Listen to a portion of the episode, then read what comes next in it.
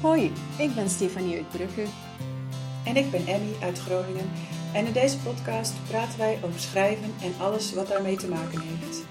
Over dromen, over sukkelen, over successen en over worstelen. Schrijven moet je zelf doen, maar je hoeft het niet alleen te doen. Pak een kop thee of koffie en kom gezellig bij ons aan de keukentafel. Even een kleine disclaimer. Omdat wij de podcast op afstand, dus online, opnemen, is de geluidskwaliteit niet van studioniveau. Maar hé, hey, het gaat om de inhoud, toch? Hallo, daar zijn we weer. Goedemorgen. Hallo, aflevering 23 alweer. En um, vandaag gaan we het hebben over wat er allemaal komt kijken bij het schrijven naast het schrijven. Maar, first things first. Eerst even een hele dikke dankjewel aan Kim en Annemiek voor het doneren op Petje Af. Daar zijn wij natuurlijk heel blij mee. Dus dankjewel Kim en Annemiek. Dank je. En dan dacht ik, ik ben eigenlijk ook wel even benieuwd, Stephanie, want jij bent natuurlijk op schrijfresidentie geweest. Oh ja. Wat wil je daar iets over vertellen? Want um, je bent echt een paar weken weg geweest, hè? Ik ben nog maar een weekje terug en het leek al ja. ver geleden. Uh, ja, de schrijfresidentie. Het was goed, het was leuk uh, om uit mijn eigen omgeving weg te zijn, om uh, ja, in een huis te zijn. Uh, het huis waarin ik logeerde was van iemand die zeer creatief was. Dus in elke ruimte werd ik ook geprikkeld door schilderijen, door fotoalbums, door uh, de geur van verf. Um, ja, het was, het was leuk, het was goed. Het was ook goed om um, ontzorgd te zijn op een of andere manier, omdat ja, het moet niet allemaal onmiddellijk opgeruimd zijn. Dat zie je dan wel terug als je vertrekt. Uh, dus het was echt heel fijn om de focus te kunnen leggen bij schrijven. En uh, ja, verandering van space doet eten. En uh, verandering van locatie schrijven, denk ik. Ja. Um, ik het al voelen. Um, als een ver verleden, uh, Emmy, je weet al, ik heb het nog niet zoveel gedeeld, maar ik ben bij terugkomst eigenlijk onmiddellijk de volgende dag uh, gestart als stagiaire bij Kunstencentrum Kaap, um, als um, productielid bij het programma uh, Literatuur en Reflectie. Uh, dus ik ben eigenlijk van een absolute ja, prikkelarme omgeving in een volledige prikkelvolle omgeving terechtgekomen en erin gevlogen. Dus het is waarschijnlijk daardoor dat het lijkt alsof dat de residentie ver, ver, ver achter mij ligt. Maar een nieuw avontuur is begonnen voor mij ondertussen. Leuk, leuk. Ik ben heel benieuwd wat voor leuke dingen, leuke dingen je daar allemaal gaat doen bij Kaap. Ja, productie is een beetje de lijm tussen programmatie en, en techniek en uitvoering. Dus het leuke is dat je zo van alles wat meekrijgt. Uh, van begin tot eind. En dat je daar ja, als lijm tussen alles je voegt. Um, dus ik, ik vind dat eigenlijk heel, heel spannend. Uh, ook om zo dicht bij auteurs te mogen zijn en te zien hoe achter de schermen alles er aan toe gaat. Uh, want ja, het is het onderwerp van vandaag trouwens. Wat komt kijken bij schrijven naast schrijven? Um, voor auteurs, dat zie ik nu, is dat een heleboel. Dat is uh, reizen, lezingen doen, um, voordrachten, netwerken. Uh, maar goed, wij zitten nog niet helemaal in dat stadium, hè, jij en ik. wij zitten nog in het schrijven, schrijven. Nee. Uh, maar ook daar denk ik, Emmy, als ik er onmiddellijk mag induiken van jou, dan denk ik met uh, 23 afleveringen op de teller uh, en al redelijk wat mensen gesproken te hebben, aspirant-auteurs en auteurs, um, dat ja, schrijven is niet gewoon schrijven. Ik denk dat uh, op de dag van vandaag een schrijver het zich niet kan permitteren om gewoon bij het uh, schrijfvak uh, of bij het loutere schrijven te blijven. Uh, maar dat we toch moeten, uh, ja, onszelf ook een beetje in de markt zetten. Dat zou een eerste puntje zijn. Ja, dat is precies waar ik ook mee was begonnen. Ik denk uh, jezelf opsluiten op een zolderkamer en afsluiten van alles en iedereen. Dat, dat is tegenwoordig niet meer uh, hoe het schrijversvak eruit ziet. Dus ik heb inderdaad ook opgeschreven van je moet eigenlijk vanaf het begin al ja, een soort marketing doen. En dat, dat klinkt dan zo groot en zo, maar ik bedoel eigenlijk meer te zeggen van dat je mensen meeneemt in wat je aan het doen bent. En dan bedoel ik natuurlijk op social media. En dat is ook wat we van meerdere gasten al hebben gehoord. Hè? Van wacht niet tot je boek af is en dat je dan uh, nog iedereen moet vertellen dat je een boek hebt geschreven. Maar ja, neem mensen eigenlijk vanaf het begin mee in wat je aan het doen bent. Mhm. Ja, nee, klopt. Dat uh, is ook een puntje dat ik opgeschreven had. Um, dat het belangrijk is om mensen mee te nemen in jouw verhaal en dat social media zich daar perfect voor leent. Uh, ik denk als we over marketing en PR spreken, dat dit wat meer onder public relations valt, die free publicity, waarin dat je jouw verhaal kan delen en dan eigenlijk hoopt dat het opgepikt wordt door anderen, dat ze meevolgen. Uh, ik denk dat dat trouwens ook iets is wat gewoon in deze uh, tijdsgeest meer leeft, die storytelling. Dat mensen willen meegenomen worden in een verhaal. Het stopt niet gewoon bij ik denk bij grotere merken ook, ja, als ik aan Apple denk, het gaat niet om de telefoon, hè. het gaat om de hele beleving, om de customer experience, het binnengaan in de winkel, het strakke, alles moet kloppen. Um, en ik denk voor ons um, dat dat ook zo moet zijn. Um, hoe dat dan precies moet, dat weet ik ook niet. Ik probeer maar wat. maar ik denk wel dat het heel belangrijk is ja, ik weet ook niet of daar vaste regels voor zijn voor hoe dat moet. Ik denk dat iedereen dat op zijn eigen manier moet doen en dat het juist uh, uh, jouw persoonlijke, en daar komt dat woord wat iedereen tegenwoordig roept, maar authentieke manier moet zijn om uh, ja, dat mensen jou leren kennen. En ik denk dat dat mensen over de streep trekt om een boek te kopen of niet. Ja, ja, absoluut. Ik heb trouwens een vraagje, want ik denk dat wij dat wel een klein beetje anders aanpakken, jij en ik. Als we het over dus PR hebben, uh, die public relations, free publicity. Ik zet redelijk in op Instagram, uh, Facebook iets mhm. minder. Uh, LinkedIn, ik helemaal niet eigenlijk. Jij wel, Jamie, wil je daar iets over delen? Nou ja, ik, LinkedIn. Ik heb een, eh, soort haatliefde verhouding met LinkedIn. Af en toe doe ik een poging en dan, dan post ik daar weer, weer wat dingen en dan blijft het ook weer liggen. Ik mhm. focus me ook vooral op Instagram. Um, en het voordeel is dat je tegenwoordig dingen gewoon zowel op Instagram als op Facebook kunt posten. Mm dus dan doe ik één post vaak s ochtends op Instagram en, en smiddags of s avonds op Facebook. Dus ja, dat, heeft, dat is geen extra werk. En dan deel ik het daar ook met de mensen die me nog niet volgen op, uh, op Instagram of gewoon actiever zijn op Facebook. Um, maar daar, daar stop ik ook niet heel veel energie in. Mijn energie zit vooral in, uh, in Instagram. Mm -hmm.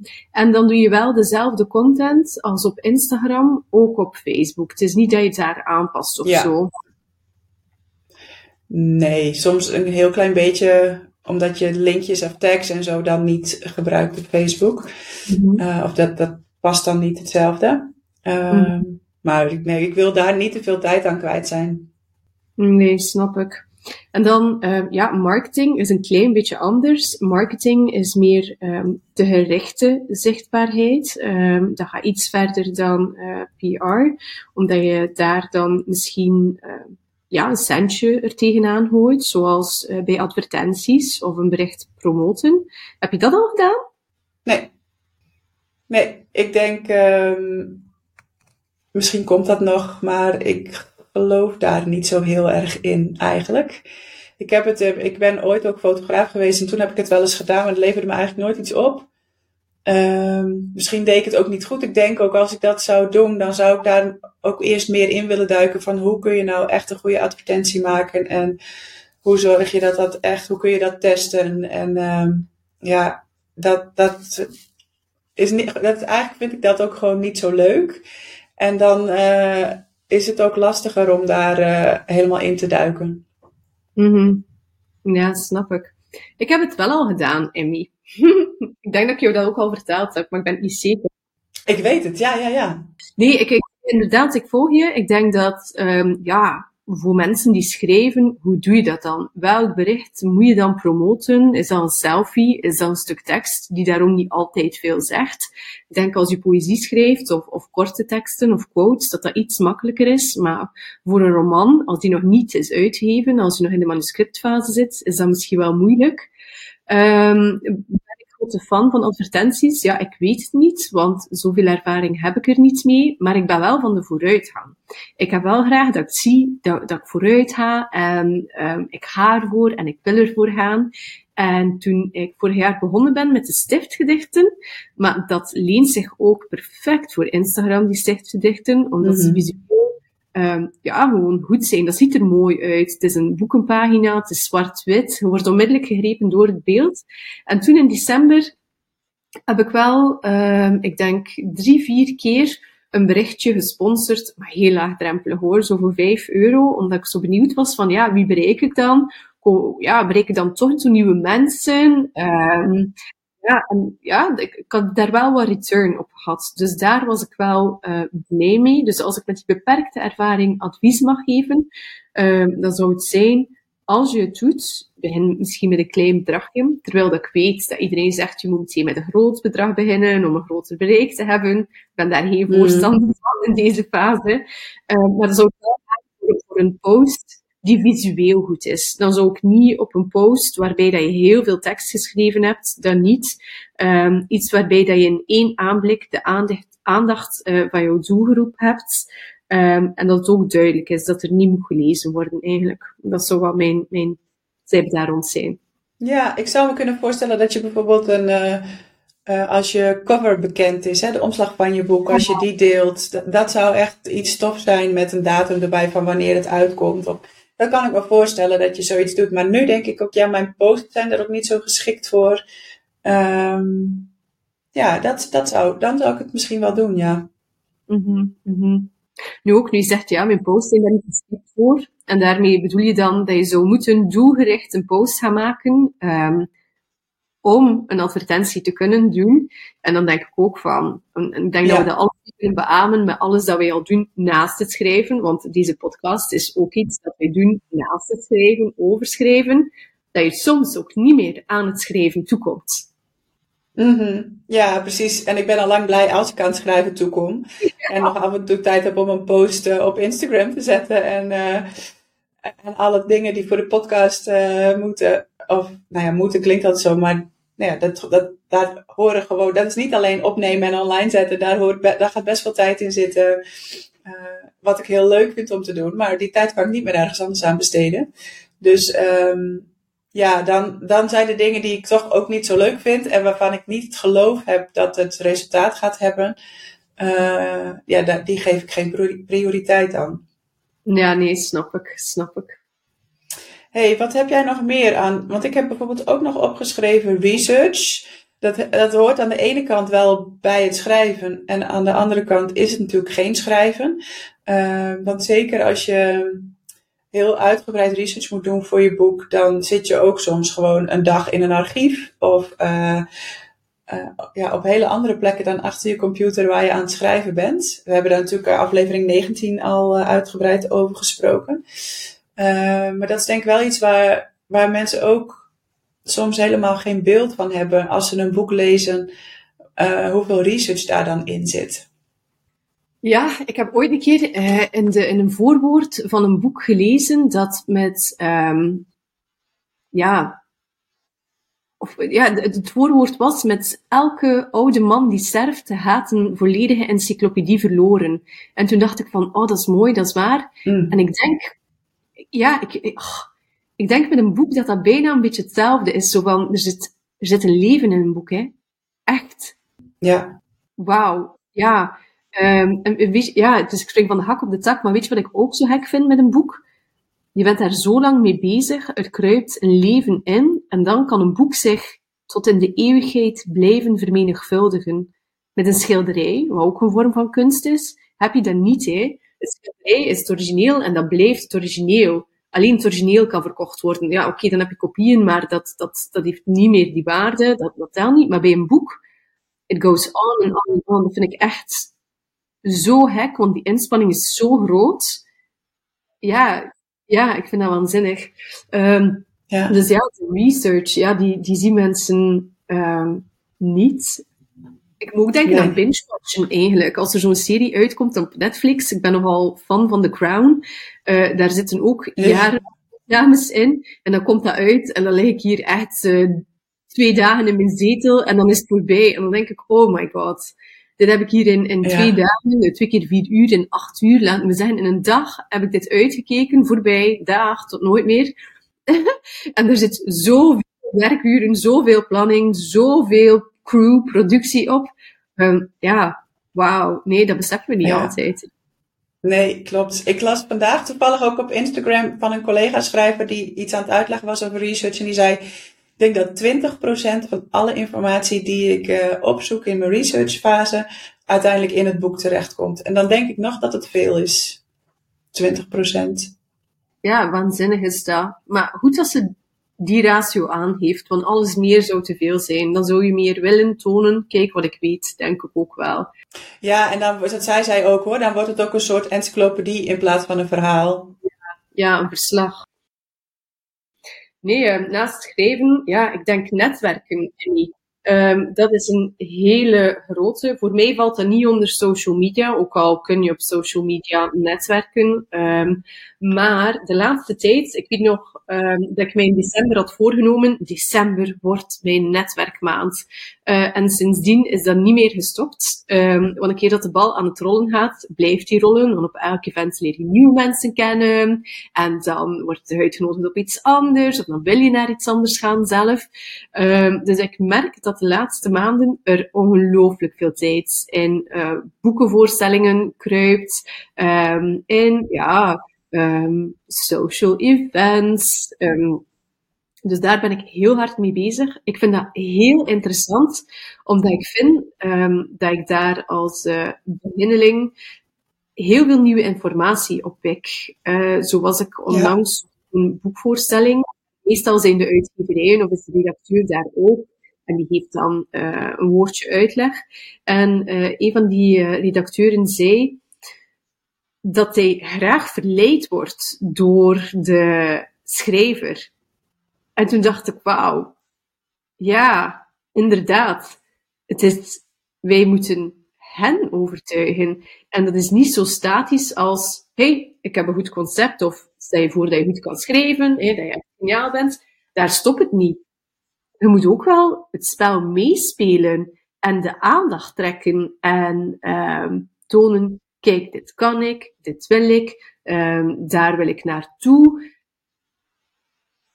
En dat treft mij. Ik wist dat wel, maar toch niet echt. Het is pas door op die events te zijn dat ik meer en meer hmm. besef dat wie dat je bent, en ik denk dat daarom ook is um, dat wij energie stoppen in onze social media, dat wie dat je bent bijna even belangrijk is, soms belangrijker dan wat dat je precies doet.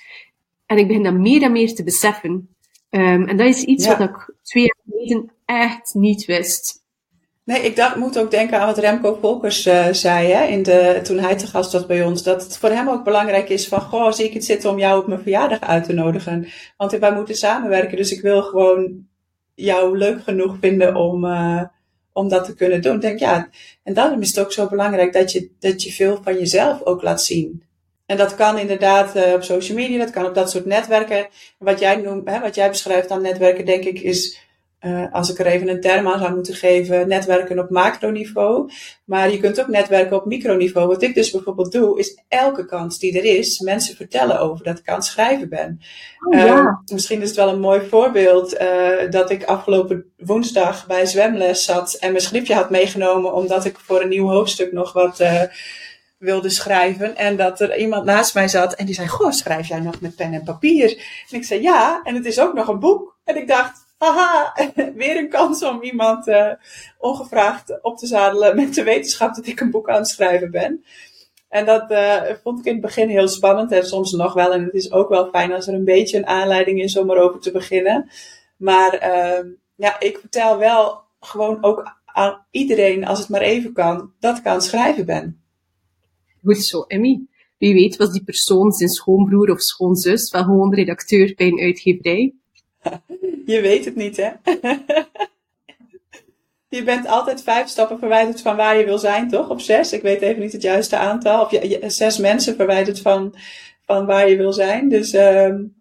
Precies. Nee, het is waar. Um, dat, dat doe ik te weinig. Omdat ik nog te veel um, schaamte, ik heb geen ander woord, het is niet het juiste woord maar soms voel ik dat toch nog. We hebben daar ook al uh, vaak over gehad in andere afleveringen. Zo, dat toch niet altijd dus de ene dag buiten de andere hoor. Zeker genoeg voelen um, en dan maar niet zeggen. Dus ik moet dat echt leren van jou. Ik moet dat overnemen. En dat ik een boek schrijf als ik ergens ben, vaak zeg ik, oh ja, nee, nee, nee, ik ben gewoon, uh, soms zeg ik, ben gewoon werkloos. Ja, dat kan ook. Ehm, maar ik zou het, ja, weet je, jij, het moet goed voelen voor jezelf. Hè? Het, mensen merken het ook als je er niet zeker over bent. Dus dan komt je boodschap misschien ook niet over. Dus het is wel belangrijk dat je, denk ik, dat je daar een goed gevoel zelf ook bij hebt. Ja. Hey, en dan nog iets anders wat mensen misschien ook niet weten. Alhoewel onze luisteraars misschien ook gewoon wel natuurlijk. Maar wat schrijvers ook veel doen, of moeten doen, weet, ik weet niet of je het moet doen. Er zijn er ook misschien schrijvers die het niet doen, maar is lezen. Mm. Ja, ik denk, ik lees graag, dus dat is voor mij geen straf. Maar ik lees ook inmiddels wel boeken uh, op een andere manier, om er ook gewoon van te leren. Van wat, wat vind ik nou leuk, wat iemand hier schrijft, wat vind ik goed, wat, wat, wat raakt me, wat maakt dat ik dit boek uit wil lezen en een ander boek eigenlijk liever wegleg. Uh, ja, daar leer je gewoon ook heel veel van als schrijver. -hmm, absoluut. Um, ja, ik, ik studeer um, schrijven aan de academie. En uh, daar gaat er meer tijd naar lezen dan naar schrijven, zou ik zeggen. Um, dat is zo belangrijk, dat technisch lezen. Hè. Uh, waarom is een tekst goed? vaak is het heel moeilijk om te zeggen waarom een tekst goed is. als een tekst niet goed is, zie je dat heel snel en kun je snel zeggen waarom. Maar eigenlijk echt benoemen waarom is die goed? ja, dat is een stukje moeilijker. Dus um, dat leren ontleden, dat leren lezen, dat twee uur op één pagina staren, dat kan soms heel, um, heel interessant zijn. Dus als je voor jezelf lievelingsboeken hebt en denkt van, amai, die kan zo goed schrijven, zo mooie passages, ik raad je aan uh, om um, een kopietje te nemen en uh, te beginnen markeren op die kopie waarom je het goed vindt, wat je goed vindt, om mm -hmm. dat echt te lezen en te begrijpen. Want daar haal je inderdaad heel veel informatie uit. Ja, ja, precies. Had jij nog andere dingen die komen kijken bij het schrijven? Absoluut. Ik had um, wedstrijden. We hebben het daar ook al een paar keer over gehad. Um, maar dat werkt ook zijn vruchten af.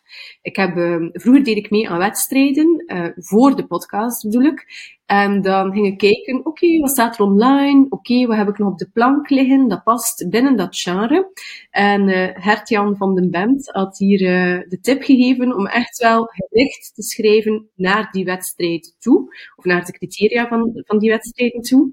Uh, dus ik heb dat gedaan. Ik heb meegedaan aan een gedichtenwedstrijd van de stad Ronse. Het thema was feest. En ik dacht, oké, okay, ik ga niet kijken wat er op de plank ligt. Ik ga me nu echt richten op die stad.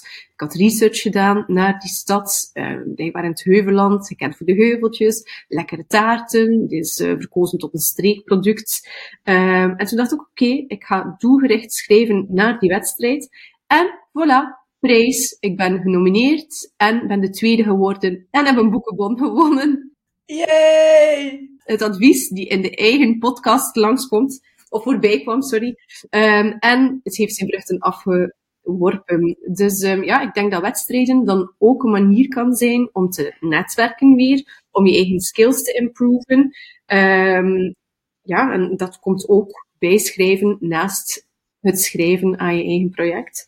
Dus dat had ik. Ja. Uh, en dan had ik nog iets opgeschreven, maar het is wel een beetje out of the box. Um, ik doe het zelf niet, maar ik vind het wel een interessante gedachte.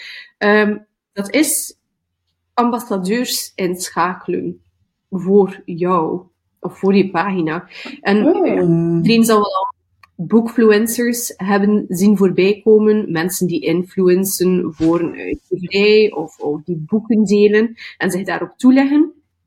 En ergens las ik, terwijl ik research aan toen was voor deze opname, ja, schakel ambassadeurs in voor jou. En meestal zijn dat vrienden en familie, zo'n zo soort, ja, supportteam. Maar ik denk dat we het daar volgende keer gaan over hebben. Dus uh, ik ga niet te veel uh, uitweiden over dat onderwerp. Maar ik vond het wel interessant om um, dat te doen. Om, om zo misschien ja, je, je dichtste cirkel in te schakelen. Zo van, hey, hetgene wat je zelf ook vindt. Um, ja. Ja, ja, zo micro-influencing voor je eigen pagina. Ik heb daar nog nooit over nagedacht, maar het, het kan denk ik interessant zijn. Maar misschien kunnen we daar volgende keer dan over uitbreiden, hè, want dat is ook het onderwerp van uh, de volgende opname, dacht ik. Ja, heel goed. Ik had ook nog wel een aantal dingen die ook, ja, misschien ook, uh, die je niet verwacht, maar ik heb bijvoorbeeld ook mijmeren en uit het raam staren. en wandelen uh, als dingen die bij het schrijven komen kijken zonder dat je eigenlijk aan het schrijven bent. ja, wandelen helpt mij heel vaak als ik vastzit in een, uh, in een hoofdstuk om uh, ja, in mijn hoofd er even eigenlijk los van te maken, maar daardoor ook weer ruimte te maken voor nieuwe ideeën. Mm -hmm. uh, en dat is net als met mijmeren uit het raam staren. Ik vind, het, ik vind dat soms lastig, want ik heb altijd het gevoel dat ik aan het werk moet zijn of zo. En soms voelt wandelen ook, maar mijmeren en uit het raam staren niet als werk. En dan denk ik, oh, ik zit mijn tijd hier te verdoen. Maar het is zo belangrijk om ja, orde te scheppen in je hoofd of, of ruimte te maken in je hoofd. En even niks in te nemen aan. Want ik ben ook nog wel geneigd om tijdens het wandelen dan een podcast op te zetten. Maar dat, ja, dan stop ik mijn hoofd alleen maar voller. En, en terwijl ik juist eigenlijk dan ruimte wil maken. Dus ik moet mezelf af en toe ook gewoon echt toespreken. Zeggen, oké, nu ga je wandelen zonder podcast. En echt even ruimte maken, zodat er weer ja, plek is voor inspiratie en andere ideeën. Mm Twee dingen daarover. Het eerste heb ik al een keer gezegd in een andere podcast, maar beweging brengen in je lijf is beweging brengen in je hoofd. dus ik ga ook heel veel wandelen. Ik vind dat een van de meest uh, inspiratievolle dingen als het op schrijven aankomt. En het tweede is, um, ik denk bij topsporters is het belangrijkste na inspanning ontspanning. En wij zijn ook een beetje topsporters, want schrijven, dat is geen sprint, maar dat is een marathon. Uh, dus uh, ja, die ontspanning is super belangrijk. Maar ik heb dezelfde neiging als jou, denk ik, om dan tijdens dat wandelen te willen podcasts luisteren soms en, en dingen bij te leren en, het gevoel te hebben, ik moet iets doen. Ik weet niet wat het is. Dit altijd het gevoel hebben van, ik moet iets doen, ik moet productief zijn. Um, nee. Na inspanning komt ontspanning. Precies, en dat mag ook gewoon onder tussen hele grote aanhalingstekens werktijd. um, want het is eigenlijk, het is gewoon onderdeel van het werk. Mm-hmm. En dan had ik nog een laatste ding, en dat is eigenlijk wat ik net ook al een beetje bij het lezen zei, maar dat is leren. Dus volg een cursus of een training of een opleiding of lees schrijfboeken of luister podcasts. Dat is ook echt een hele goede. Ja, zorg dat je, dat je dingen leert over het schrijven. Het is wat uh, Rick van der Vlucht zei uh, onlangs in de aflevering waarin hij te gast was. Schrijven is een ambacht. Het is niet iets wat je, uh, wat je zomaar even doet. Daar, daar moet je echt voor leren, dingen voor leren. En um, hij, maakte toen ook de mooie vergelijking uh, met de houtbewerking. Als je wilt gaan hout bewerken, dan pak je ook niet een boomstam en een zaag of een bijtel en dan begin je maar. Dan ga je ook eerst een cursus volgen of YouTube filmpjes kijken of weet ik. Dat heb ik nu. Gisteren deelde ik daar nog iets over in mijn stories. Ik vind het leuk om taarten te maken. Of als er iemand jarig is bij ons in huis. Ja, dan kijk ik ook YouTube filmpjes over uh, uh, hoe ik dat het beste kan doen. Ja, dat is, daar moet je, je moet dingen leren soms. Ik heb gezien op je social media dat je gisteren echt een filmpje hebt bekeken van een super moeilijke taart met rozen op de zijkant. En ja, ja ik ken niets, ik ga zeggen marsepein, maar het is zeker geen marsepein. Ik ben geen keukenprinses, maar het zag er zo wauw uit. Kan je dat? Nou, dat wil ik dus kunnen. Uh, nee, het is botercrème. En uh, uh, ik, wil, ik heb die spuitmondjes allemaal, maar ik wil dus leren hoe je dan met welk spuitmondje je precies wat kan doen. Maar goed, daar, daar moet je dus ook iets voor doen om dat te kunnen. Voor die taart kom ik langs, hè? Goeie. Dat is goed. Want zoals jullie misschien weten, maar wij hebben elkaar nog steeds niet in het echt ontmoet. Dus, um, de, en we zoeken geloof ik een soort aanleiding. Maar misschien is die taart, ik ga hem voor mijn verjaardag maken. Dus dan kom je gewoon meteen op mijn verjaardag. Wanneer ben je jaren? Dat weet ik zelfs niet. 6 mei. Duurt nog even. Maar ik, ja, ik moet het nog leren, hè? dus ik ben in de voorbereidende fase. ben je dan een stier van sterrenbeeld? Ja, hmm. net zo koppig als jij met je sterrenbeeld. Ook en stier, oh la la. Twee aardse types. Dat zijn de beste matchen, heb ik ooit uh, gelezen. Nou, uh, ook al zouden ze dat niet zeggen, ik vind dat ook. Nou, dat was het wel zo'n beetje wat ik had uh, voor vandaag, uh, Stephanie. Ik sluit uh, me aan bij jou. Ik ben ook rond met de onderwerpjes. Ik vind het grappig dat we, want wij bereiden deze podcast dus los van elkaar voor. En dat we dan toch best een hele hoop overeenkomsten hebben. in de, is misschien ook wel logisch, maar ja, dat vind ik ook wel weer grappig. Mm -hmm. Nou, dankjewel weer voor het luisteren. En um, volgende keer dus over het belang van een support team. En um, We wensen jullie een fijne ochtend, middag, avond, nacht, wanneer je ook maar luistert. En tot de volgende. Tot de volgende. Hey, leuk dat je weer geluisterd hebt. Luister je graag naar Schrijfpraat en wil je ons ondersteunen? Dan kun je doneren via petjeaf.com schrijfpraat. We zetten de link ook in de show notes. Je kunt ons ook helpen door een review te schrijven of een beoordeling te geven. Vijf sterren of zo. Daardoor komen wij hoger in de lijsten en help je nieuwe luisteraars om ons te vinden. Deel de podcast ook gerust in je netwerk of op social media en tag ons dan even. Wij vinden het superleuk om te weten wie je luistert. Heb je vragen of is er een onderwerp waar jij onze mening of ervaringen over wilt horen? Of is er iemand die je graag als gast in Schrijfpraat zou horen? Laat het ons dan weten. Dat kan via Instagram, at Stefanie Kroes, underscore Insta, en at Emmy de Vries,